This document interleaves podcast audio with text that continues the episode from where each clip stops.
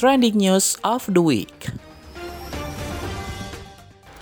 Millennials Radio, Be Creative, Be You. Trending News of the Week bersama saya Caca dari Kalimantan Barat. Berita selanjutnya dari saya datang dari konser Coldplay mendatangkan keuntungan bagi Indonesia.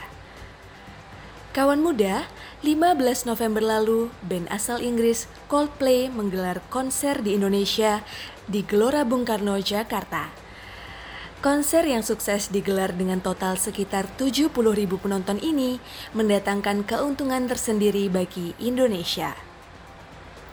Menteri Pariwisata dan Ekonomi Kreatif Sandiaga Uno menargetkan keuntungan dari konser tersebut mencapai 75 juta US dollar atau sama dengan 1,16 triliun rupiah. Target tersebut dibuat berdasarkan jumlah penonton yang hadir, yaitu sekitar 60 sampai 80 ribu orang, dan dengan asumsi 1.500 US dollar atau sekitar 15,5 sampai 23,2 juta rupiah per pax.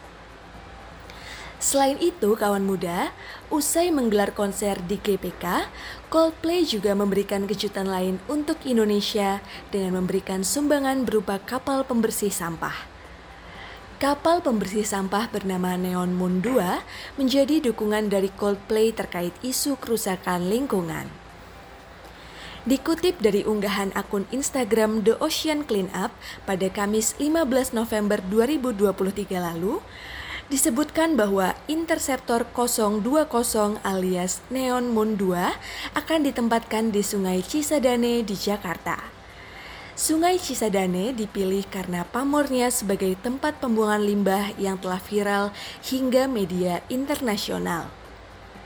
Semoga dukungan baik dari Coldplay ini dapat menjadi salah satu langkah baik untuk menanggulangi sampah di Indonesia ya kawan muda.